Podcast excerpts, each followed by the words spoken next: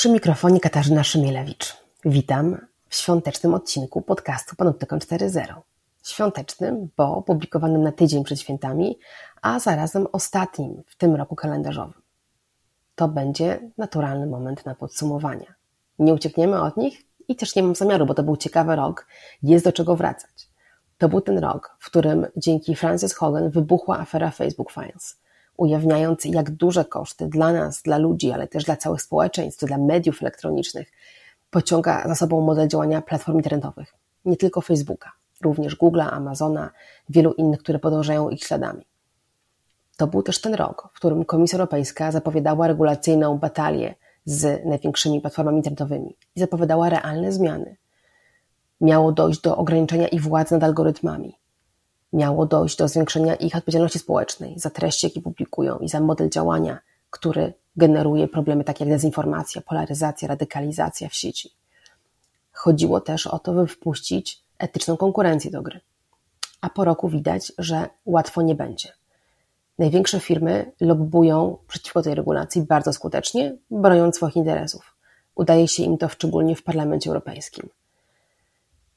Ale my również musimy sobie odpowiedzieć na pytanie, czy umiemy żyć w innym modelu biznesowym, na innych platformach, czy możemy płacić za ich usługi, czy możemy sami działać na nich inaczej, bo w kolejnym roku pandemii mogliśmy sobie uświadomić, jak bardzo tych usług potrzebujemy, jak bardzo już jesteśmy od nich uzależnieni i zależni i że najsensowniej byłoby je zachować, nie niszczyć ich, ale je naprawić.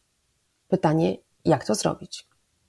Zapraszam Was do wysłuchania rozmowy, w której powrócą te trudne i ważne problemy w relacji człowiek-technologia, ale pojawią się też zalążki rozwiązań i całkiem śmiałe pomysły na to, jak moglibyśmy z pomocą regulatorów i prawodawców, ale również sami, te relacje z technologią przebudować przebudować je tak, by były bardziej zrównoważone, świadome, bezpieczne, dojrzalsze. Zdaniem mojej rozmówczyni nie wszystko jest jeszcze stracone, a więc nie będzie to rozmowa pesymistyczna. Obiecuję. Zapraszam na spotkanie z Natalią Hatalską. Dodam jeszcze tylko, że nagrałyśmy tę rozmowę latem, kiedy Natalia szykowała się do wypuszczenia na rynek swojej książki pod wieloobiecującym tytułem Wiek paradoksów czy technologia nas ocali. Ta książka oczywiście nie zastarzała się przez pół roku ani trochę. Ma już swój trzeci dodruk i na pewno ją zdobędziecie, jeżeli jeszcze jej nie czytaliście lub chcielibyście ją komuś podarować. A ja po przesłuchaniu materiału, który nagrałyśmy, uznałam, że on właśnie idealnie wpisze się w zakończenie roku. Sami zresztą się przekonajcie. Natalia Hatalska. Panoptykon 4.0 Podcast to KFM.pl i Fundacji Panoptykon.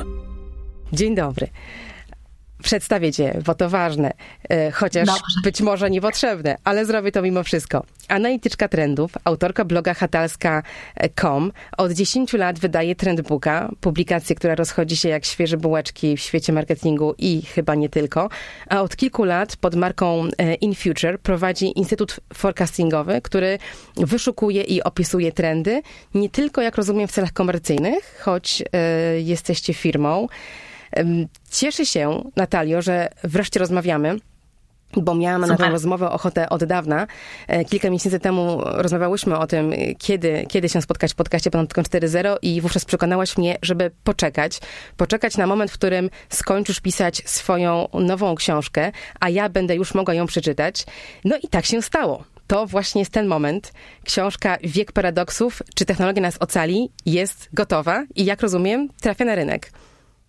Tak, e, bardzo Ci dziękuję i za zaproszenie, i za Twoją cierpliwość, e, i za to, że właśnie się spotkałyśmy, kiedy już mogłaś tę książkę przeczytać. E, trochę mm, jakby, że jesteśmy w tym samym miejscu, że jakby mniej więcej wiesz, co ja chciałam przekazać, i wtedy możemy się spotkać i podyskutować, bo pewnie mamy czasami też inne zdania.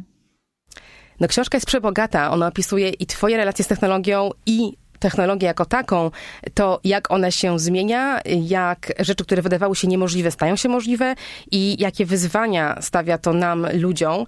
Ale zanim o tych wyzwaniach, bo one są rzeczywiście nurtujące, trudne i strasznie ciekawe, e, chciałabym o tobie bo dla mnie, jako dla osoby, która również od dwóch dekad głęboko siedzi w tym technologicznym zgiełku i sama się mierzy z dylematami, jak w tym się nie zgubić, jak się do tego ustawić, y, było bardzo bliskie to, co opisujesz. Czułam się, jakby to było wręcz nasze intymne spotkanie kobiet o podobnych trajektoriach, bo opisujesz, mhm. jak y, nawiązałaś kontakt z tym światem poprzez y, ważną dla ciebie postać przyjaciela, męża i jak przechodziłaś ewolucję od, chyba tak mogę powiedzieć, technoentuzjastki do osoby, która bardzo krytycznie, niemal sceptycznie, ostrzegawczo może nawet na ten świat patrzy.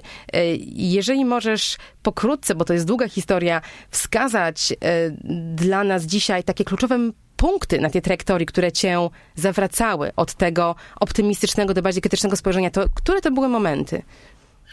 Wiesz co, nie wiem, czy ja bym umiała je wskazać. Y, na pewno jest tak, że faktycznie to była taka droga od technooptymistki i większość ludzi pewnie mnie jeszcze z tego czasu kojarzy takiej totalnej ekscytacji technologią, do powiedziałabym nie wiem nawet, czy tak sceptycznie podchodzę. Bardziej bym powiedziała, że to jest taki technorealizm, e, czyli do takiego realistycznego spojrzenia. I to ja to w książce też to porównuję po prostu do bycia w relacji, bycia w związku. I na początku masz taką ekscytację drugą osobą, że wow, super, ekstra i w ogóle wszystko jest najpiękniejsze, najwspanialsze i fajerwerki.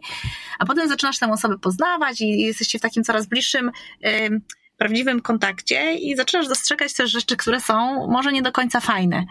E, no i wiadomo, że ta relacja się zmienia, jak się, zwłaszcza jak ktoś jest w długodystansowym e, związku. I wtedy e, jakby widzisz, że jest dużo elementów dobrych, dużo elementów złych i no, musisz podjąć decyzję, że tak naprawdę zostajesz z tą osobą, z dobrymi i złymi rzeczami, że one są jednocześnie. To nie jest tak, że to jest tylko dobra osoba albo tylko zła, ale że to jest y, no jednocześnie jedno i drugie. I myślę, że to jest y, coś takiego, co ja przeszłam właśnie z technologią, czyli od takiego totalnie technooptymizmu, zachwytu, fascynacji, co było widoczne też w moich wystąpieniach, w moich tekstach. No, ja, moja relacja z technologią już trwa ponad 20 lat. I, i nie było jakiegoś takiego jednego krytycznego momentu, jakiegoś punktu zwrotnego, tylko ponieważ ten świat był, jakby to jest mój świat naturalny. No ja nie tylko opisuję technologię, nie tylko badam technologię, ale ja naprawdę jestem geekiem, tak? Czyli ja naprawdę z wielu technologii nowych korzystam i to lubię. E, ale wreszcie widzę i uważam, że takie realistyczne, prawdziwe spojrzenie, nie iluzja, w której my żyjemy, e, no to ono się nam e, przydaje, więc tak to się wydarzyło to może nie od strony linii czasu, bo tu rozumiem, że te różne refleksje nakładają się w czasie, one nie istnieją jedna po drugiej. nie można przestać być zupełnie geekiem i zacząć być wyłącznie krytykiem. Jedna bez drugiego trochę nie istnieje, bo tylko korzystając głęboko mm, doświadczamy technologii w całej rozciągłości i możemy również jej ciemną stronę przyswoić, tak ja to przynajmniej widzę, e, może w takim razie są aspekty, które cię wyjątkowo zahaczyły. Pytam o nie, bo ja śledzę twoje teksty z ciekawością wielką i oczywiście tę ewolucję sama obserwuję. Pamiętam, kiedy zobaczyłam, kiedy, jak piszesz o, o braku czasu, o tym, jak nie mamy czasu na rozmowę, na dialog, jak technologia nam ten czas zabiera w kontekście strajku kobiet. To był chyba taki emocjonujący wpis. Lub jak pisałaś o wszechobecnym hejcie w internecie, porównując to do sytuacji z Orwella, bardzo mi bliskiej lektury i dwóch minut nienawiści, które każdy z nas w tej sieci dzisiaj e, odprawia, może nie z takim nabożeństwem, nie pod przymusem, ale, ale jednak łapiemy się na tym, że w tym hejcie współuczestniczymy. E, czy pisałaś o cancel culture? Um, czy to były takie momenty, w których coś, jakieś zasłony ci opadały, czy to raczej znowu Wiesz nic co, nie, nie, to było, punktowego? To tak było. Ja to już wcześniej obserwuję. Y, y, coś, co tak osobiście mnie dotyka, to jest właśnie ta polaryzacja, y, którą obserwuję bardzo mocno w internecie. Ten tekst, który przywołałaś pierwszy, braku czasu, to y, mimo że on był naprawdę, on był o braku czasu, on nie był o niczym, ja tam nie zajmowałam żadnego stanowiska, to ja się zmierzyłam po tym tekście z, y, z takim hejtem od niektórych osób, że y, na dwa dni wyłączyłam się w ogóle z internetu i gdzie jestem naprawdę osobą, y, gdzie y, dojrzałą, dorosłą, ponad 40-letnią, więc jakby to nie jest tak, że jakby mnie to... Świadomą tych zjawisk, którym podlegasz w tak, internecie. Tak, a, a, jednocześnie był to taki moment dla mnie, ta, tak, skala tego takiego, takiej, um, takich złych emocji, w ogóle bez, bez chęci rozmowy, że ja na dwa dni wyłączyłam w ogóle komputer i mój mąż y, y czytał y, ewentualnie komentarze i ja mu powiedziałam, ok, jak przeczytasz, uważasz, uznasz, że ja powinnam na coś odpowiedzieć, to ja odpowiem, ale ja po prostu nie chcę, żeby jakby to mi zajmowało sobotę i niedzielę. Rozumiem, I... dlatego tylko, że zahaczyłaś wówczas y, niemerytorycznie, ale w kontekście, kontekstem twojego wpisu był polaryzujący bardzo temat aborcji w Polsce. I to wystarczyło. Tak, tak, i to wystarczyło, tak? I ludzie w ogóle nie, nie patrzyli na to z takiego meta poziomu, że faktycznie technologia nam dzisiaj zabrała czas, że my nie mamy czasu na dyskusję, że patrzymy, to ja, ja to mówię, że nasz świat, y, my dzisiaj jesteśmy wsadzeni sztucznie zupełnie i pewnie będziemy o tym rozmawiały, bo to też technologia bardzo mocno nas tak wrzuca, że jesteśmy włożeni w świat, który jest albo albo, albo biały, albo czarny, albo dobry, albo zły, albo za, albo przeciw. A nasz świat, y, który jest ogromnym, skomplikowanym systemem, jest światem II, czyli mamy świat i y, y, gigałączność, i 5G, 6G, i samotność, i wzrost gospodarczy, i zrównoważony rozwój. Tak naprawdę się wyklucza i automatyzacja, i robotyzacja, która wymaga ogromnego zużycia energii, i ekologia i neutralność klimatyczna. I my żyjemy i bardzo trudno, ja wiem, że to jest w ogóle na poziomie takim emocjonalnym, prywatnym, to jest dysonans poznawczy, tak? Mieć taką postawę, że umiem zachować dwie rzeczy, które są sprzeczne. Ale my Bo tak... teraz mówisz o świecie realnym, yy, świecie offline, w którym te sprzeczności występują i zestawiasz to ze światem online, w którym Dokładnie. jest to dążenie do zero-jedynkowości, prawda? Gdzie tak. yy, serwowana nam jest bardzo prosta narracja i o wiele łatwiej jest nam, próbuję ustalić, czy dobrze rozumiem, że kuszące jest wybranie tej narracji narracji online'owej, która sprowadza skomplikowane bardzo mm, społeczne tematy do e, jest albo nie ma, zgadzam się albo jestem przeciw, bo to nam psychologicznie jest łatwiej zrobić, niż w pełni doświadczać i akceptować to całe spektrum, w którym tak naprawdę jesteśmy zanurzeni.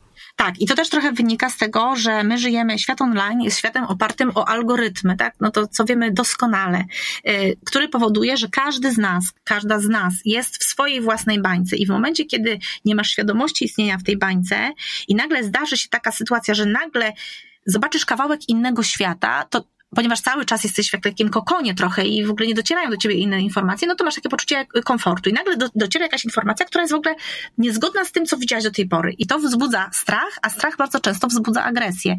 I to prowadzi właśnie do takiej polaryzacji. Ym, I to mnie przeraża. Ja mam taką swoją zasadę, że szukam i zapisuję sobie rzeczy, które łączą nas ponad podziałami. Yy, czyli yy, no po prostu szukam. Y, Ciekawy projekt. Mam nadzieję, że kiedyś opublikujesz wyniki tak, tej tak, kwerendy, tak, bo to tak. będzie dla wielu osób e, Mam nadzieję zaraźliwe, że można i tak. Ale y, zanim y, przejdziemy do, do środków radzenia sobie z tą sytuacją, pozwól, że, że podciągnę cię jeszcze w kierunku tego, co cię przeraża. E, czy w takim razie możemy mm, przez chwilkę zagrać w grę Natalia Hatalska pisze scenariusz dla Czarnego Lustra i twoje najbardziej cię przerażające przewidywania pociągnięte ten krok dalej? Zacznijmy może od tej polaryzacji. Czego najbardziej byś się obawiała y, jakiego scenariusza zrealizowanego, jeżeli nie zawrócimy z tej drogi, na której już teraz jesteśmy? Wiesz co? W sferze polaryzacji. Yy... Czy też w ogóle rozpadu wspólnoty, w której tak, tak, to, chcielibyśmy to funkcjonować? Takiego całkowitego przeniesienia się do y, świata online, do tego świata y, lustrzanego na wszystkich możliwych poziomach, y, gdzie już będę po prostu totalnie zamknięta, totalnie podłączona, właśnie zalgorytmizowana, gdzie wiemy, że te algorytmy są też pouprzedzane i boję się, że ta polaryzacja w takim świecie będzie jeszcze większa, ona się jeszcze będzie pogłębiała. To co wiemy, że nie wiem, Facebook nie wyświetla, e, jakby algorytm Facebooka nie wyświetla reklam e, o pracę kobietom e, czyli kobiety nie są w stanie tego zobaczyć, czy kwestie rozpoznawania twarzy. My wiemy, że algorytmy mają super dane dotyczące białych ludzi, natomiast gorzej wypadają z danymi dotyczącymi czarnych ludzi i w związku z tym w Stanach zdarzały się takie sytuacje, że ktoś został oskarżony o to, że jest złodziejem albo jakimś lokalnym przestępcą na podstawie technologii rozpoznawania twarzy, e, bo wszedł do sklepu i e, algorytm go pomylił. E, więc to są rzeczy, które mnie przerażają. Przeraża mnie też cały obszar takiej technologii IVG, z obszaru e, inżynierii tkankowej tak naprawdę, który pozwala nam na nieograniczone wręcz hodowanie e, ludzkich zarodków, czy no, ludzkich zarodków i, i takie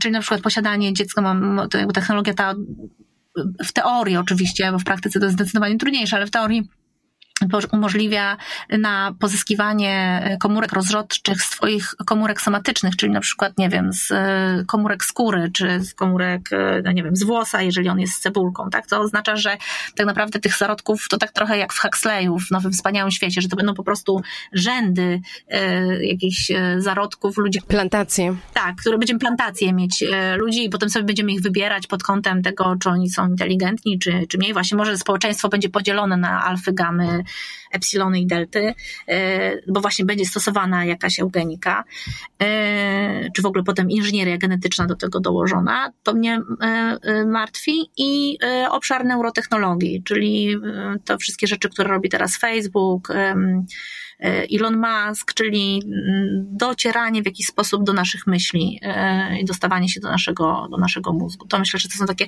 Oczywiście... A co w tej trzeciej sferze mogłoby się wydarzyć dla nas opresyjnego? Poza tym, że y, sam mózg będzie podłączony, bo dla wielu osób wydaje mi się ta obietnica Elona y, Muska, że będę mogła sobie sterować aplikacją nie używając rąk, może brzmieć atrakcyjnie. Rozumiem, że ty widzisz tam jakąś ciemną ma, stronę. Dokładnie, bo to ma zawsze dwie strony. Jeżeli ja mogę czymś sterować za pomocą tylko myśli, no super, ale to znaczy, że to w takim razie to coś może się dostać do moich myśli. No to nie jest tak, że systemy są jednostronne, one są dwustronne. E, więc to jest kwestia właśnie na przykład, my wiemy, że technologie z obszaru DBS, czyli Deep Brain Stimulation, one dzisiaj są stosowane na przykład do leczenia e, takich e, na przykład zaburzeń odżywiania, czyli anoreksji, do chorób neurodegeneracyjnych, czyli tam choroby Parkinsona, Alzheimera, ale też na przykład testuje się je w leczeniu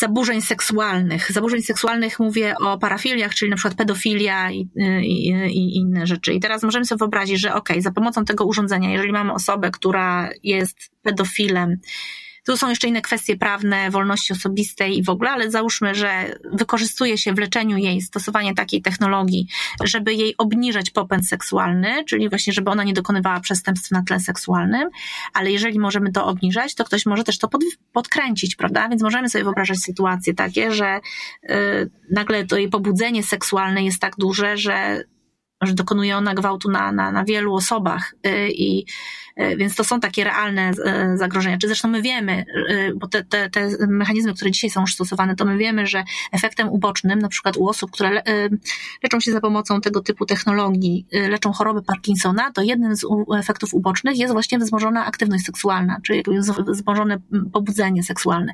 To jest też możliwość na przykład stymulowania ośrodków bólu, czyli nie, nie zadajesz nikomu fizycznie bólu, nie podchodzisz do niego, nie szczypiesz go, nie gryziesz, nie kłujesz niczym, ale tylko sterujesz tym urządzeniem i pobudzasz ośrodek bólu w mózgu, na tyle, że ta osoba cierpi, tak? I robisz to zdalnie.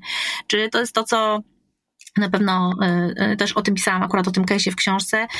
Wiceprezydent Stanów Zjednoczonych, Dick Cheney, ten, o którym był ten potem film wice nagrodzony Oscarem to on miał rozrusznik serca, y, tu akurat to nie jest o myślach, ale w ogóle o wbudowanych jakichś urządzeniach, które mamy y, w sobie, w ciele. I on miał rozrusznik serca, który miał możliwość zdalnego sterowania. I właśnie y, jego kardiolog nakazał producentowi tego rozrusznika wyłączenie możliwości zdalnego sterowania tym, bo bali się, że zostanie zaatakowany E, no, w jakiś sposób terrorystycznie, nie? że zostanie na nim dokonany jakiś e, zamach. Więc jakby te, te zagrożenia e, istnieją. To są też zagrożenia typu, że jeżeli te technologie, te technologie docelowo mogą nam na przykład zwiększać um, nasze zdolności intelektualne, czyli że nie wiem, mamy lepszą koncentrację, lepszą pamięć, jakkolwiek. Y, no i teraz wiadomo, że ludzie, którzy będą mieli pieniądze, będą sobie to kupowali, bo będzie ich na to stać, a co z ludźmi, którzy, których na to nie stać? I kwestie podziałów, nierówności społecznych, y, właśnie stworzenie jakiejś rasy panów nagle, która jest zaugmentowana i ludzi, którzy na przykład tego nie mają i wykonują jakieś proste tylko zadania albo muszą wykonywać to, co im każe ta, ta wyższa rasa. Tak. To z kolei scenariusz jak z Gataki, innego genialnego, wizjonerskiego filmu e, na, na ten temat. Opisujesz technologię, która bezpośrednio wpływa na organizm człowieka, stymuluje, ulepsza, zmienia. Nie dziwię się zupełnie, że w twoim czarnym lustrze utrata kontroli nad nią brzmi przerażająco, bo to jest po prostu już forma opresji no, bezkonkurencyjna. To znaczy nie da się zrobić tej opresji w sposób bardziej wyrafinowany i skuteczny niż właśnie w ten sposób. Na przykład stymulując mózg, każąc ośrodki bólu, karmiąc ośrodek przyjemności. Więc tutaj jestem z tobą w tym scenariuszu, ale mój osobisty straszny, wygląda trochę inaczej, jest zapewne trochę mniej e, science fiction i bardziej opiera się na tym, co już przeżywamy w świecie lustrzanym.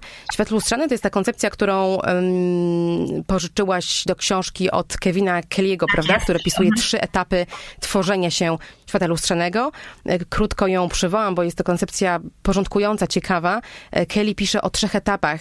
Mm, pierwszy mm, fizyczny, przepraszam. Informacja. Pierwszy to jest, to jest dokładnie, to jest cyfryzowanie, cyfryzowanie samej informacji. To już zrobił dla nas Google e, wyszukiwarką. Drugi etap to cyfryzowanie naszych relacji z ludźmi, to co robi dla nas z naszą ogromną pomocą e, Facebook. E, trzeci u, u Kelly'ego to jest etap cyfryzacji każdego elementu fizycznego świata za pomocą takich technologii jak wirtualna i mieszana rzeczywistość. A ty do tego dodajesz cyfryzację zmysłów, o której piszesz, że bez niej, bez pełnego doświadczenia zapachu, smaku, dotyku, ten VR się, się nie powiedzie. No i moja wizja dystopijna jest taka, że ta sugestia kompletności świata będzie już tak silna, tak doskonałe będzie to doświadczenie bycia online, że właśnie w nią będziemy uciekali przed całym dyskomfortem świata realnego, przed jego obiektywnymi trudnościami, na przykład w relacjach z osobami bliskimi, w których zawsze jest też ciężko, bo miłość e, ma swoją cenę,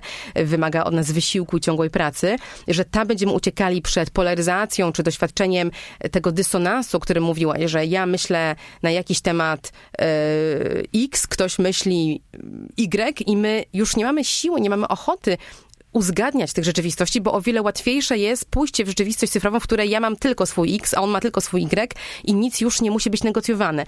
I jakimś końcem tej, tej skali, tego spektrum jest scenariusz, który napisał Janusz Zajdel w latach 70. w swoim genialnym opowiadaniu e, Człowiek o numerze dziewięciocyfrowym, e, w którym mamy podpięcie do zubociągu, prawda? Czyli mamy to podłączenie do świata cyfrowego, w którym my płacimy, w tym opowiadaniu akurat płacimy, płacimy pracą fizyczną, polegającą na generowaniu prądu, bo to jeszcze możemy robić. Nasze nogi i ręce mogą generować prąd, którego potrzebują roboty, ale wszystko inne, e, wszystkie nasze potrzeby mm, kontaktu z ludźmi, e, doświadczenia narracji, e, pozyskiwania pożywienia są obsługiwane centralnie przez tę super maszynę, która po prostu wie, jakiej stymulacji potrzebujemy, a kiedy przestajemy pedałować, przychodzi robot i nas odcina. I wtedy jest prawdziwy, e, prawdziwy dramat. No i to byłby taki koniec autonomii Ale człowieka. Ale wiesz co, to są też scenariusze, które są bardzo prawdopodobne. Po pierwsze, teraz są już rozwiązania, na przykład stosowane specjalne podłogi w e, sklepach, właśnie po to, że jak człowiek chodzi po sklepie, żeby generował prąd.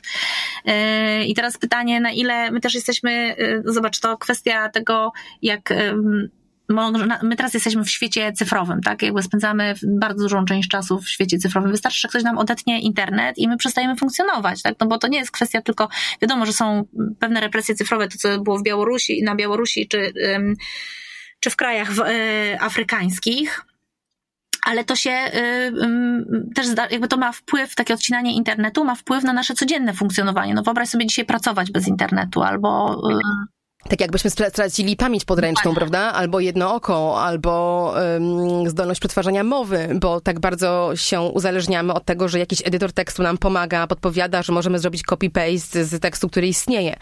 E, do swojej pracy. Myślę, że to jest tego typu um, ograniczenie. No tak, no bo ja robiłam sobie specjalnie pisząc książkę taki eksperyment, yy, że zrezygnowałam na miesiąc ze smartfona i przeszłam na dumbfona.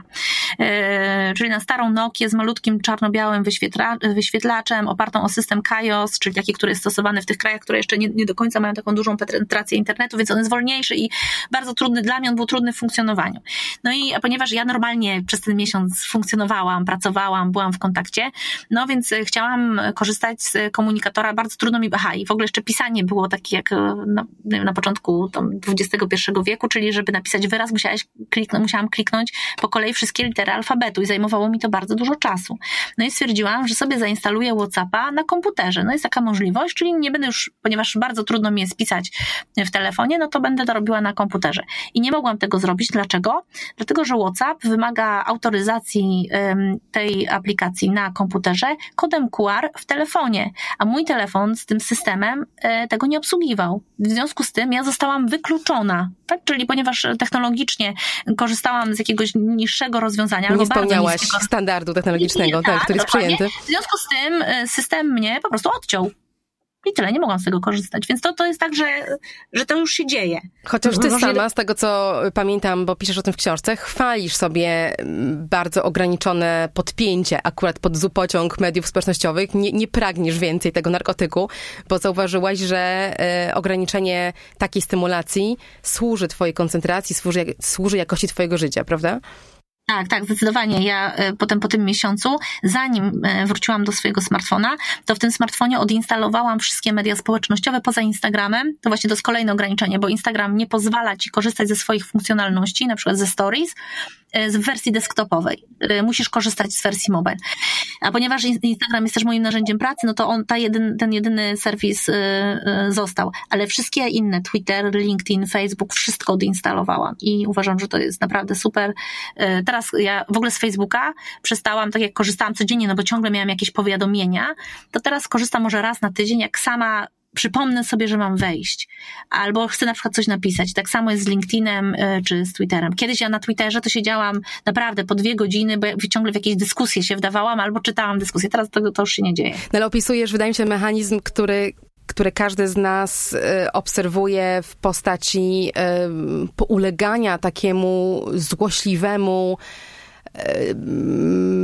designowi, szukam dobrego słowa, sposobowi, w jaki są zaprojektowane owe interfejsy, prawda? One są zaprojektowane tak, żeby nas angażować. Bardzo ciężko jest przestawić sobie na wszystkich mediach, które opisałaś, to doświadczenie użytkownika tak, aby ono nie zahaczało cię bardziej niż byś chciała. Ja wchodzę skomentować jedną rzecz, wchodzę sprawdzić jedną rzecz, taka jest moja intencja, po czym natychmiast widzę ruszające się mm, powiadomienia, jakiś czerwony kolor, coś mi miga, coś mnie zaczepia, coś próbuje mnie złapać w sieć e, tej stymulacji mm, emocjonalnej, po to, żebym została tam dłużej. E, czy poza no, tak radykalnymi krokami, jakie sama podejmowałaś, widzisz tutaj możliwość bardziej łagodnego wyzwalania się na przykład z tej stymulacji poprzez, nie wiem, lepsze ustawienie sobie kontrolek w tych interfejsach, czy to jest Wiesz co, to, na mnie to nie, ja nie wiem, bo każdy pewnie ma swój własny sposób. Na mnie to nie działało. To nie jest tak, że ja zrobiłam sobie eksperyment i po prostu tak nagle, nie, ja wcześniej próbowałam ograniczyć swoją aktywność w mediach społecznościowych.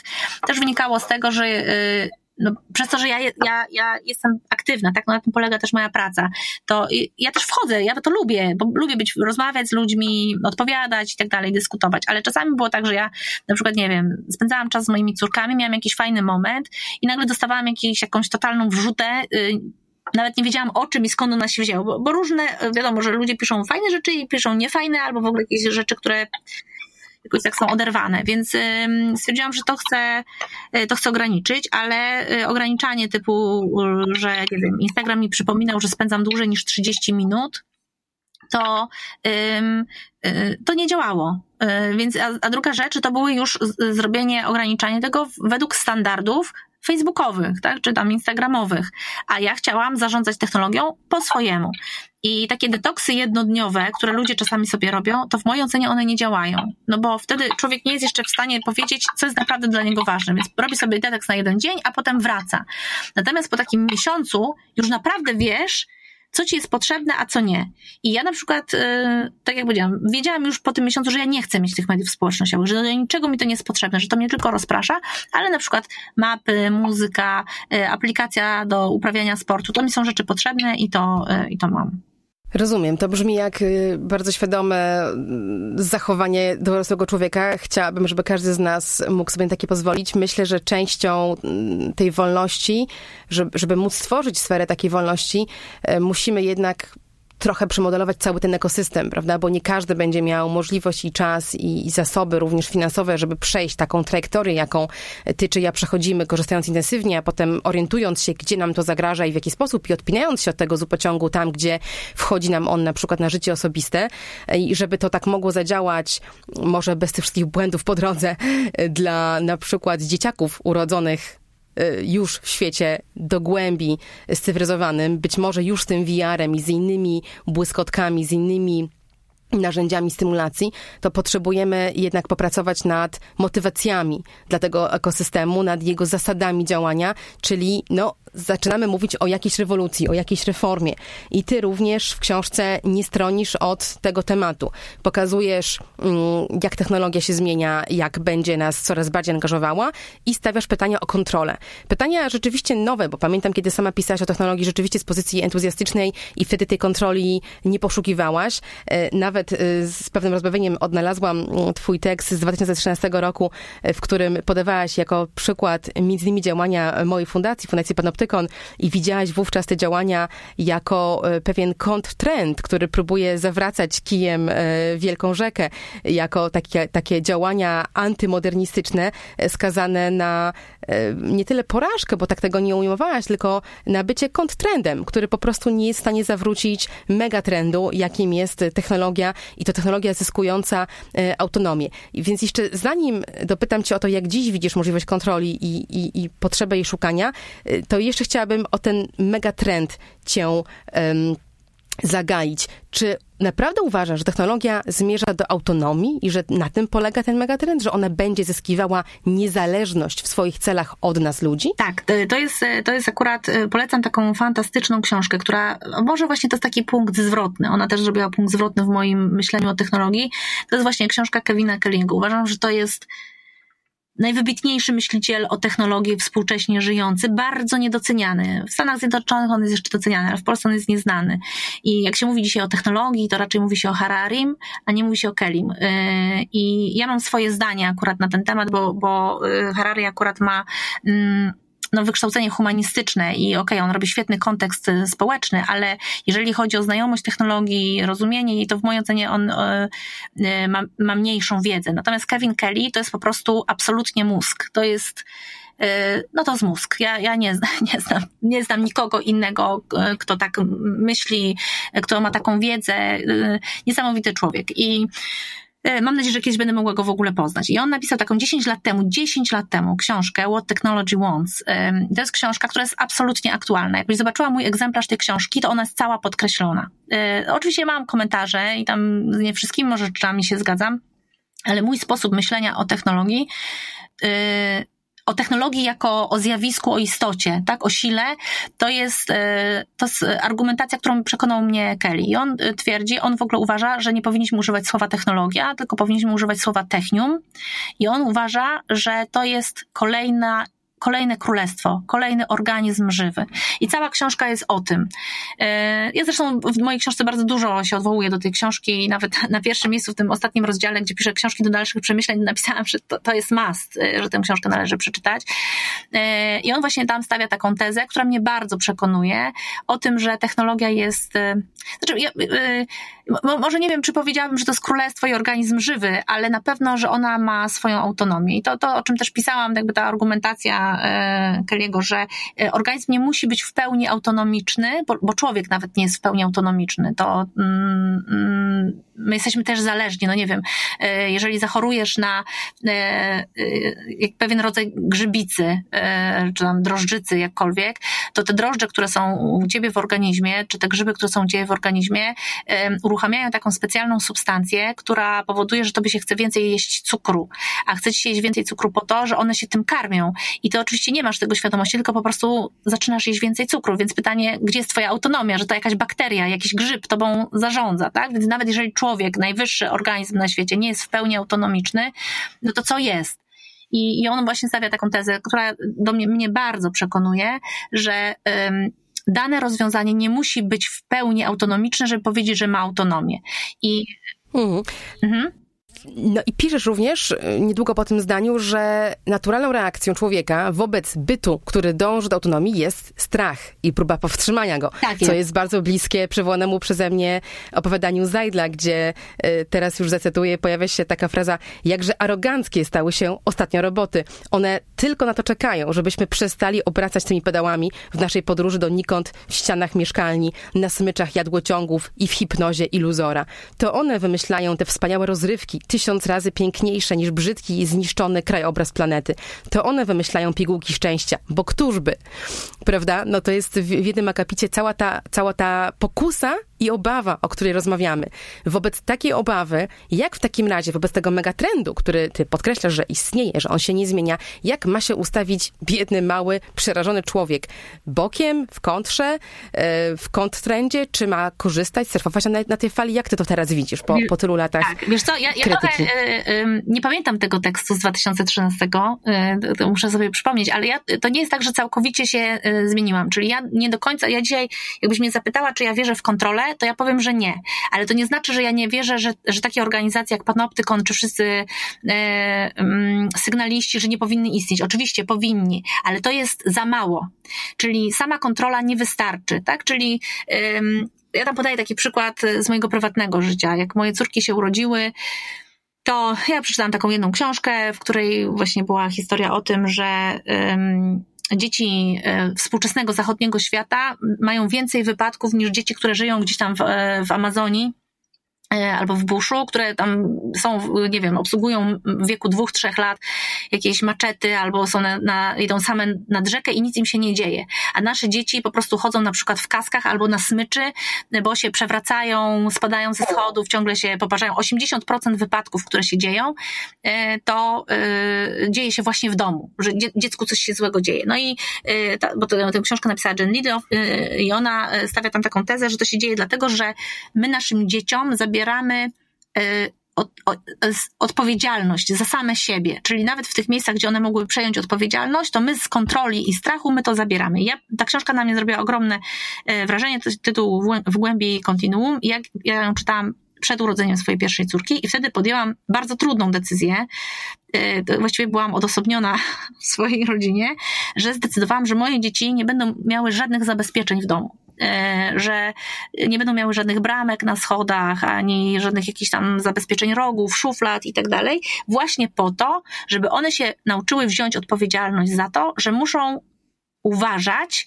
jak się posługują różnymi rzeczami, bo co z tego, że ja bym postawiła, skontrolowała swoje schody u siebie, że postawiłabym im barierkę i one na moich schodach by nie spadły, ale na świecie są setki milionów innych schodów, gdzie takich barierek nie ma.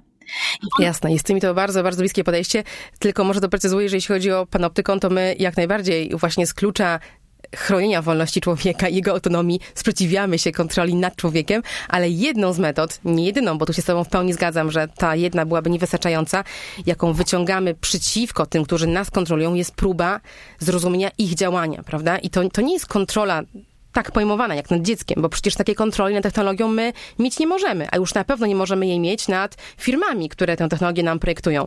To, to, to co mi jest bliskie i o czym też piszesz, moja książka. To jest ta to, obserwacja. No właśnie. powiedziałaś, że świadomość, ja tego nawet we wstępie piszę, świadomość mechanizmów działania wielkich graczy technologii i, i na drugim miejscu edukacja.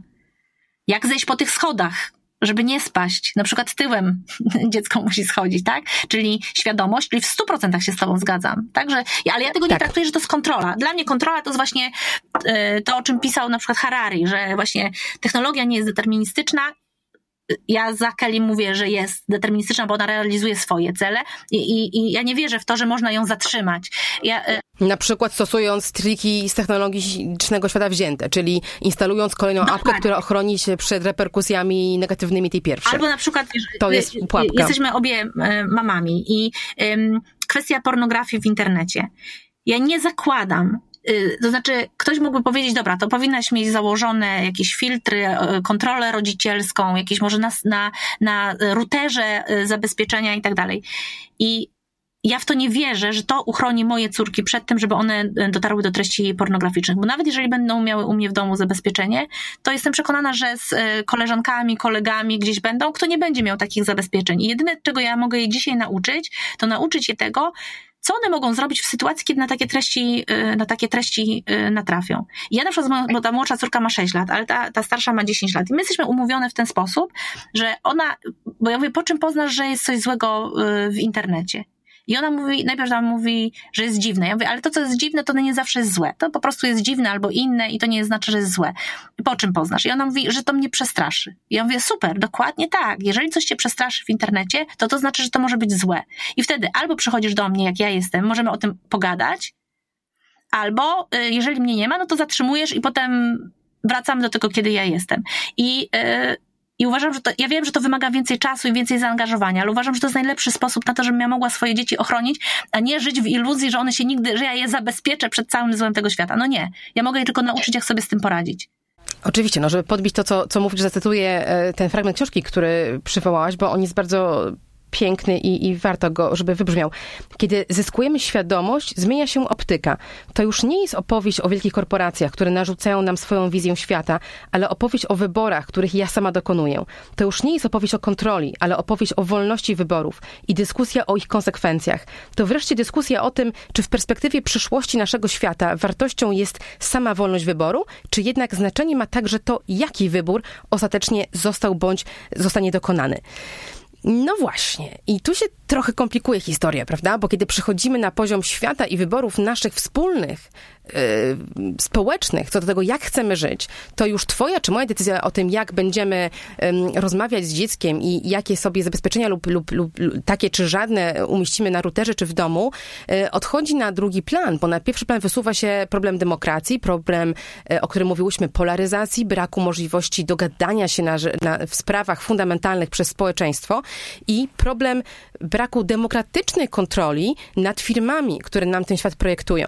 I tu rzeczywiście jest o wiele trudniej, bo tu nie możemy polegać na taktykach indywidualnych i na tym, że świadomość moja czy twoja jako jednostki e, coś zmieni. Ona zmieni tyle, że będziemy rozumiały, co nam się dzieje, prawda? Będziemy rozumiały, co nam ktoś robi, ale nie będziemy miały możliwości, narzędzi, żeby to, co ten ktoś nam robi, e, zmienić czy powstrzymać. I tutaj szukałabym trochę innych mm, odpowiedzi. Ty w książce piszesz y, o Amiszach, bardzo ciekawie z wyraźną fascynacją przywołujesz przykład tej społeczności, która twoim zdaniem poradziła sobie właśnie jako społeczność. Czy mogłabyś przywołać tę lekcję, którą uważasz, że jeżeli jest taka, że możemy ją zastosować u siebie, która płynie z doświadczenia Amiszów? Wiesz co, ja nie, też nie jestem jedyną osobą, która mówi, o, nie jestem jedyną osobą, która mówi y, o technologiach i mówi o Amiszach, bo y, pierwszy raz y, o Amiszach to czyta, czytałam, oczywiście u Kelly'ego, bo Kelly w ogóle ja bym chyba powiedziała, że on też trochę jest. Wszystko jest u Kelly'ego. Tak, on, u Kelly'ego, ale też Cal Newport, którego na pewno y, czytałaś. O, o minie, on, on pisał, napisał tę głośną książkę o minimalizmie cyfrowym. Tak, on też pisał wtedy o Amiszach. Kolejny ja wielki, tak, wielki mózg, który pisał o wielu rzeczach, bardzo polecam. Rzeczywiście Skarbnica tak, wiedzy. I, ja bym sobie, e, ponieważ e, dwójka tych autorów, których lubię, cenię, e, pisała, ja sobie zaczęłam zgłębiać ten temat i zaczęłam czytać jakieś już opracowania socjologiczne o nich. I oczywiście, wiadomo, wokół Amiszów narosła cała masa różnego rodzaju stereotypów, że to sekta i tak dalej. I ja w ogóle nie wchodzę w ten temat, jakby te, te kwestie społeczne, one mnie tam nie, nie interesują. One mnie bardziej interesują z punktu widzenia ich relacji z technologią. Oni mają takie podejście bardzo wybiórcze, czyli to nie jest tak, że po Amiszach, jak jest dyskusja na temat technologii, to mówi się, Amisze to są tacy ludzie, którzy którzy w ogóle nie korzystają z technologii. To jest nieprawda. Oni korzystają z technologii. Na przykład um, jak się czyta opracowania takie socjologiczne, to są na przykład takie sytuacje, że jest człowiek, który, y, starszy mężczyzna, który choruje na, no ja przypuszczam, bo to nie, jest, nie było wtedy opisane, ale przypuszczam, że chorował na y, przerost prostaty i musiał w nocy bardzo często wstawać do ubikacji. I amisze nie mają elektryczności, ale mają światło, na przykład tam no, oni stosują taki specjalny system pneumatyczny i właśnie jako w społeczności tej, temu mężczyźnie jako pierwszemu zostało zainstalowane światło po to, żeby on wstając w nocy nie musiał iść e, do ubikacji po ciemku. Czy na przykład była kobieta, która y, była chora y, i musiała mieć leki, które są przechowywane w lodówce. Znowu lodówka to jest elektryczność i, i tak dalej i znowu społeczność zdecydowała, że tak, y, ta lodówka jest niezbędna, żeby ta osoba mogła z tych leków korzystać. I to jest tak, że oni albo na przykład w biznesie, oni nie korzystają z telefonów komórkowych, ale jeżeli planuje Amish prowadzić swój biznes, swoją firmę, to korzysta z e, tego telefonu na przykład w jakichś określonych godzinach. Może sobie, jak sobie, tam jest taki serwis amerykański e, o Amishach, gdzie oni dają różne ogłoszenia. Jak ja sobie to przeglądałam, to było na przykład e, ogłoszenie, że możesz do mnie zadzwonić w godzinach tam 15, 16.30. To oznacza, że on w tym czasie odbiera telefon, ale nigdy go nie ma w domu. I to pokazuje, że oni wykorzystują technologię w sytuacjach, które im pomagają. Dlaczego oni rezygnują z technologii? Bo jakby ich największą wartością są relacje relacja z drugim człowiekiem i utrzymanie wspólnoty. I jeżeli zdarza się jakaś sytuacja dotycząca technologii problematyczna, i to mówię w technologii w różnym znaczeniu, bo na przykład technologią może być też ławki z oparciem, czyli na przykład są sytuacje, że oni w tam w tym swoim kościele chcą zamontować ławki i stwierdzają, że e, lepsze będą ławki z e, oparciami, a druga grupa uważa, że może ławki jednak bez oparcia, no bo oni taki mają prosty e, styl życia.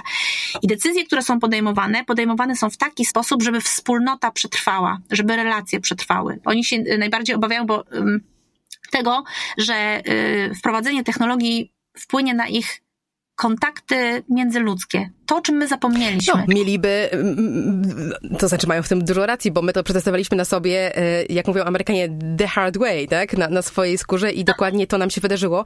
Pytanie, czy jako społeczeństwo, które już tu ma kryzys, czyli tych relacji jakościowych e, ma niezwykle mało, które ucieka w technologię przed byciem z drugim człowiekiem, które tych wspólnot, wartości w zasadzie, one są chyba już nie do obronienia i na poziomie narodowym i, i ponadnarodowym, może zostały zostały nam jakieś hobbystyczne, nie wiem, nawet tego nie zryzykuję. Co my możemy zrobić w takim razie, żeby tę zasadę ostrożności, którą opisujesz na przykładzie Amiszów, przenieść do siebie? Czy to jest już, y, jak to możemy powiedzieć, pozamiatane i w zasadzie y, takiego kroku wstecz nie wykonamy, nie mamy jak wykonać? Wiesz co, na pewno na poziomie y, osobistym to jest możliwe, bo nawet pisząc tę książkę zrobiłam taki test, y, że zapytałam ludzi na Twitterze o to, z jakich technologii nie korzystają. Jest cała masa ludzi, którzy świadomie tak jak Amisze, zrezygnowali z technologii. Czyli na przykład ludzie, którzy nie jeżdżą samochodem, ludzie, którzy nie korzystają z serwisów typu Uber, ludzie, którzy nie mają telewizorów, e, ludzie, którzy nie korzystają z Facebooka. Tak, czyli na poziomie indywidualnym to już się dzieje. Największym pytaniem, największym problemem jest to, i to też właśnie to pytanie stawiam, jak to zrobić na poziomie całego społeczeństwa. I jakby Moja, y, moja myśl jest taka, może ona jest dosyć kontrowersyjna, ale ja stawiam tam taką tezę, że my jesteśmy różni, jakby różnorodność świata jest naszą największą wartością, ale y, jest coś takiego na głębokim poziomie i zrobiliśmy ostatnio też badanie, które to potwierdziło, że są pewne wartości, które my wiemy na takim y, metapoziomie, że one są dobre albo złe, że mamy wspólne wartości. Nie są I... to prawa człowieka z karty UNESCO. To jest coś innego. To jest jakiś rodzaj etosu, yy, wrażliwości, empatii? To jest ten poziom? Tak, to, to coś takiego, co bym powiedziała właśnie z brzucha, tak? Że, że wiesz, że, yy, że przemoc jest zła, tak? Że, że, że, Pytanie, jak ją definiujesz, prawda? Bo dla jednego y, pewne zdanie w internecie napisane publicznie będzie hejtem, dla, drugie, dla drugiego będzie y, legalną krytyką. Czy to nie jest tak, że my spotkalibyśmy się na metapoziomie, przemoc jest zła, bliskość jest dobra, ale sposób, w jaki doświadczamy tych zjawisk, jakie definiujemy w swoim życiu, będzie bardzo rozmaity? Na pewno tak będzie, ale ponieważ mamy jakieś wspólne wartości i, i, wiesz, to też nie jest tak z naszym społeczeństwem, że my podejmujemy wszystko, y, jakby wszystkie decyzje sami, że my jesteśmy oderwani od siebie. Y, ja patrzę też na społeczeństwo, to akurat Louis o tym pisał, że y, on to porównywał w innym kontekście, ale ja to sobie wzięłam od niego jako, patrząc na społeczeństwo. On porównywał to, jakby, możemy patrzeć na społeczeństwo jako na organizm człowieka. Czyli masz w tym organizmie, masz nos, masz płuca, usta, ręce, każda część ciała jest inna, ale każda część ciała jest od siebie zależna. One tworzą jeden y, organizm, czyli nie, nie jesteś w stanie funkcjonować, no nie wiem, bez nosa. No, nos jest połączony z płucami, albo skórą czujesz, masz wszystkie jakby narządy tym przykryte, tak? I jakby, jeżeli sobie spojrzymy na to, że my nie jesteśmy, właśnie nie, nie, nie jesteśmy spolaryzowani, nie jesteśmy samotni, tylko okej, okay, jesteśmy indywidualni, inni, ale tworzymy jedną całość, to wtedy wydaje mi się, że jest... Że jest łatwiej. I, I, są takie projekty, które przecież my realizujemy ponad, y, ponad podziałami, ponad nawet y, międzynarodowo. No wszystkie największe projekty, projekt Brain, który jest realizowany, projekt ITER, to mówię o technologiach, ale nawet teraz z COVID-em. Y, przecież dlaczego szczepionki zostały tak szybko opracowane? Dlatego, że współpraca była, wszystkie publikacje naukowe dotyczące COVID-u były publikowane w środowisku medycznym ogólnodostępne, czyli ludzie jakby współpracowali, jakby widzieli jeden cel I wiedzieli, że to jest, że to jest ważne. Więc ja wiem, że to może być, my nie jesteśmy przyzwyczajeni do rozmowy o wartościach. I ja o tym też piszę w książce. Także nam się to wydaje, że to takie jest jakieś oderwane, w ogóle biznes i tak dalej. Ja pamiętam dwa lata temu byłam na... Czujemy, że to jest zaraz cyniczne, prawda? Podejrzewamy, że tutaj chodzi o jakieś drugie dno, na przykład o, o, o pranie swoich interesów przez korporacje, które stosują dobry PR albo e, jakieś oldschoolowe zagrania na, na, wartości. A tymczasem albo, mówisz, albo że, że, wiesz, to jest... ktoś nas będzie przekonywał do swoich wartości, nam na coś narzucał, Mhm. a my nie chcemy. Ale y, mm, ale teraz y, y, y, chcę opowiedzieć tę historię o tym, jak byłam na kongresie ekonomicznym. Byłam na kongresie ekonomicznym w Katowicach i byłam w panelu, który był poświęcony empatii. To był piątek, ostatniego dnia o godzinie 16.30 i sobie pomyślałam, Jezu, po prostu y, nikt nie przyjdzie na ten panel. Kto przyjdzie w ostatniego dnia o godzinie 16.30 na panel o empatii? I No wyobraź, co? i wyobraź sobie, Kasia, że była pełna sala, e, ludzie stali. I e, wydaje mi się, że może trochę dojrzewamy do tego, żeby jednak o tych wartościach zacząć rozmawiać, żeby się gdzieś spotkać. Bo ja wiem, że rozmowa o wartościach jest trudna, bo nam się wydaje, że my się tak bardzo od siebie różnimy, że to są po prostu... Boimy się jej po prostu. Mhm. że- A tymczasem bez niej nawet nie wiemy, co tracimy. Że, że, że nie wchodząc w nią, nie, przekon- nie mamy szansy przekonać się, że być może ta wspólna baza jednak gdzieś tam istnieje i można byłoby w oparciu o nią zrobić coś dobrego. Na przykład ochronić się przed inwazyjną technologią. No dokładnie, tak? Więc ja, ja jestem przekonana, że są wartości, które nas łączą i też e, właśnie a propos tego badania, ostatnio zrobiliśmy... E, Robimy taką instalację właśnie poświęconą e, wartościom i ja chciałam też mieć jakby podparcie ilościowe i zrobiliśmy badanie ilościowe dotyczące tego, e, czy uważacie, że istnieją wspólne wartości dla wszystkich ludzi. W badaniu wzięło udział ponad 300 osób i e, 80 ponad procent wskazań to była odpowiedź na tak. Czyli ogromna część z nas uważa, że jednak mamy jakieś wspólne wartości.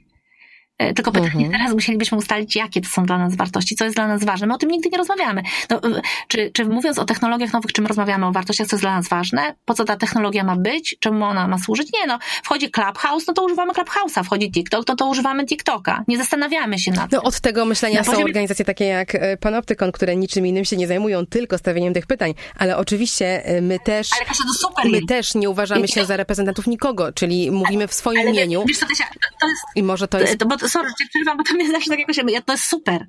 To jest super, ale zobacz Kasia, ty byłaś tak naprawdę jedną z ym, pierwszych osób, które zaczęły to robić, kiedy w Polsce w ogóle się tym tematem nikt nie zajmował. I to mi tylko... Ja pamiętam naszą taką dyskusję, kiedyś miałyśmy... No właśnie dawno, może w 2013 roku. I, i, I ty mnie wtedy przekonywałaś, że to jest ważne. Ja mówiłam, nie, tutaj jednak człowiek, każdy musi się tym sam zajmować i tak dalej. I... Yy, Wasza rola jest nie do przecenienia. Ja, ja naprawdę jestem waszym super wspieraczem, zresztą waszą walkę z Facebookiem Dziękuję. wspieram. E, e, Natomiast uważam się, uważam, że, że was jest za mało. O, pełna e, zgoda. I że, że, że to też powinno być tak, że to jakoś jest, żeby coś zrobić, chociaż ja sama nawet nie wiem co, żeby społeczeństwo też było takimi rzeczami, którymi, nad którymi wy pracujecie, żeby ono samo było też tym zainteresowane. Ale to jest świetny call to action. Szukam znowu lepszego słowa, przepraszam za, za te mm, wrednie wcierające się tutaj w naszą rozmowę anglicyzmy. Wezwanie dla, dla ludzi y, mających różne zasoby, prawda? My mamy takie zasoby jako grupa prawników, grupa ludzi, którzy posługują się narzędziami takimi jak legislacja, którzy rozumieją to, co dzieje się w Unii Europejskiej. My możemy oddziaływać na prawo, częściowo na świadomość ludzi i to taką elitarną świadomość, niszową, ale potrzebujemy w tej walce najbardziej e, ludzi wpływających na świadomość szerzej. E, potocznie mówiąc influencerów, ludzi mediów, ale też pisarzy, e, nowych zajdlów, no mamy Dukaja, to wspaniałe, mamy twoje książki, mamy, ale tego jest też za mało. Też tak uważam, że to powinno być wyzwanie dla noblistów. E, Tokarczuk zresztą podejmuje to wyzwanie w swoich esejach. Jeszcze nie widziałam prozy Tokarczuk, która by zahaczała o temat technologii, ale wierzę, że taka powstanie, bo to są te źródła, te mądre osoby, ci twórcy nowych narracji, którzy są nam niezbędni, żeby tę historię o wartościach i autonomii opowiadać językiem, który trafi do większej liczby ludzi, niż ta nisza, w której my się mijamy od lat i która myślę, że rozumie temat wartości w technologii, ale to jest, pełni się zgadzam, o wiele za mało. A co w takim razie, zmierzając już do końca naszej rozmowy, uważasz, że nie odstanie się, jakie zmiany, na jakie zmiany być może jest za późno, z którymi musimy się pogodzić, bo w książce pada takie zdanie. Ty mówisz o pytaniach, które stawiasz, mówisz o nich również w ten sposób, że niektóre z pytań pojawiają się zbyt późno, by móc wybrać inną drogę. Jak byś na koniec naszej rozmowy scharakteryzowała tę drogę, na którą weszliśmy, e, którą podążamy i z której prawdopodobnie już nie zejdziemy? Na czym ona polega i kto ją wyznacza? Lub co? No, to jest droga y, rozwoju technologicznego. To nie jest tak, że nam się uda teraz wrócić do świata bez technologii. To już jest. Ja tam w książce też piszę o tym, jak są budowane systemy, że skomplikowane systemy mają to do siebie, że one wchodzą, jeżeli następuje jakaś duża zmiana, one wchodzą w nowy stan równowagi.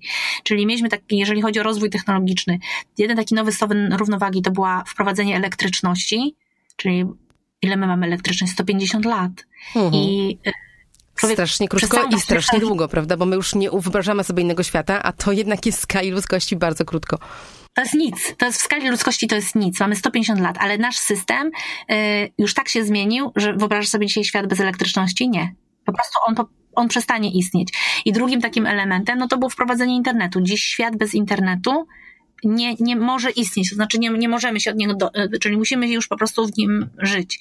Mm, więc... Y, no pytanie, na jak, jak daleko ta technologia, bo tam też e, pisze taki fragment o tym, że technologia przez, te, przez to, że staje się coraz bardziej autonomiczna, samoreplikująca się, e, która realizuje właśnie może te swoje e, cele, nam jest bardzo trudno ją już my jej nie zatrzymamy. My tylko możemy powiedzieć, ok, to jak my możemy z nią dobrze żyć?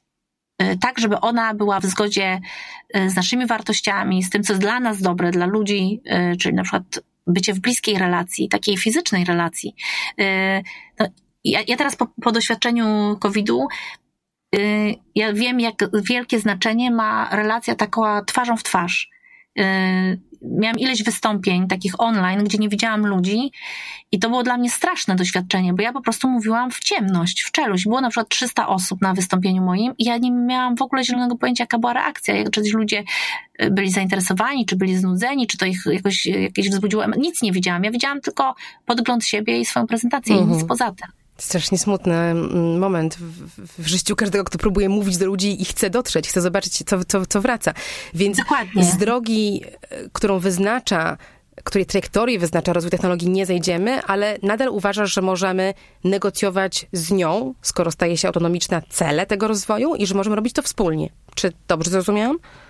Tak, wydaje mi się, że ale tego wymaga właśnie y, zwiększenie świadomości naszej jako y, y, ludzi, to, to, co wy robicie i żeby ludzie zaczęli się i zaczęli interesować tym, jak, jak to w ogóle działa, że to nie jest tylko narzędzie, bo wiele ludzi ja to też czytam w dyskusjach, ach, bez przesady, to jest tylko narzędzie i to tylko od człowieka zależy, jak on to narzędzie wykorzysta. No nie, no tak nie zależy, bo y, czy od ciebie zależy, w jaki sposób będziesz korzystała z mediów społecznościowych, jeżeli one są zaprogramowane w taki sposób, żeby cię od nich uzależnić, gdzie ja jestem naprawdę, wydaje mi się, że osobą świadomą, y, korzystającą z technologii, a jak odstawiłam media społecznościowe na miesiąc, to ja miałam normalnie taki stan y, mhm. odwykowy, czyli ja czułam fizycznie w ciele brak tej dopaminy, tak, że, że nagle nie mam powiadomień, nie mam y, tych czerwonych migających ikonek i, i to było tak jakby, no, no, no, fizycznie czułam w ciele, że mi tego brakuje, tak, czyli też byłam, czy jestem uzależniona, no bo uzależnienie jest na, na zawsze, więc w jaki sposób jestem y, uzależniona. Mhm. No dobrze, to w takim razie chyba kończymy wyzwaniem dla wszystkich, których to interesuje, żeby się przekonali na własnej skórze, prawda? Żeby doświadczyli tego, gdzie jest ich granica autonomii, gdzie jest ich granica odpięcia się, a można tylko się o tym przekonać podejmując próbę odpięcia, żeby świadomie korzystali, czytali, e, poznawali rzeczy, które im tę świadomość poszerzają, takie jak e, to, co publikuje Panoptykon, to, co publikuje Instytut In Future i oczywiście twoją książkę oraz wszystkie, które w niej cytujesz, a przynajmniej Kevina Kelly'ego, bo, bo, Kevina bo warto. Ale Wrzucimy różne linki pod nagraniem. Nie, wiem, czy to czy wyczułaś to, ale e, czy zwróciłaś uwagę, że bardzo dużo cytuję też um, takich literackich y, tak. fragmentów. Bardzo doceniam. To, jest, to, to, to, to, wynika z tego, że w momencie, kiedy ja robiłam sobie research i czytałam o technologii, to, to ten świat był tak odhumanizowany, tak zimny, tak bezwzględny, że mi brakowało um, takiego ludzkiego spojrzenia. I stąd y, te, te wszystkie wstawki literackie, one się wzięły stąd, czyli naprawdę na takim... To, z potrzeby emocji z potrzeby emocji. Mhm. Technologia nam tych emocji y, nie dostarczy, albo ona nam dostarcza, ale one są bardzo mocno iluzoryczne. Tak, są tylko tym fejkiem. No właśnie.